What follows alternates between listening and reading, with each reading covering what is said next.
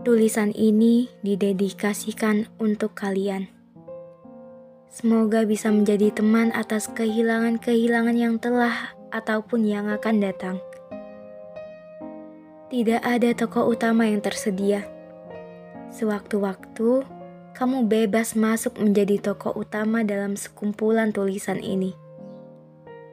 Percaya atau tidak, sekalipun kita menghindar, akan ada fase kehilangan yang akan datang.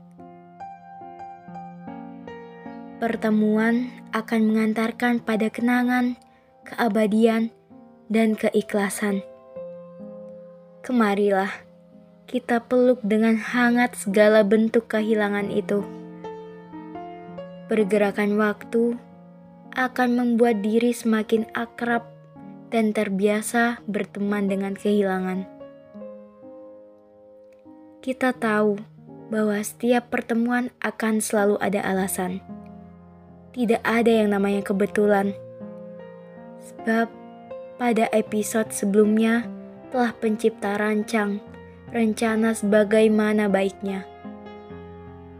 Bisa jadi pertemuan itu akan memberikan cerita baru memberikan warna yang sebelumnya abu, pun bisa memberi arti bahagia sekaligus memberikan paket dutka.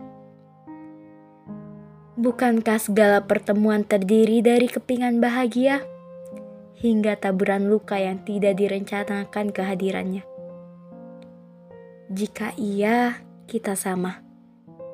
Berharap selalu datang bahagia hingga lupa sedih bisa datang kapan saja tanpa diminta.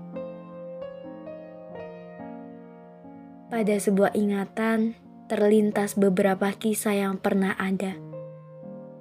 Pada kepingan memori, kepingan memori di masa lalu.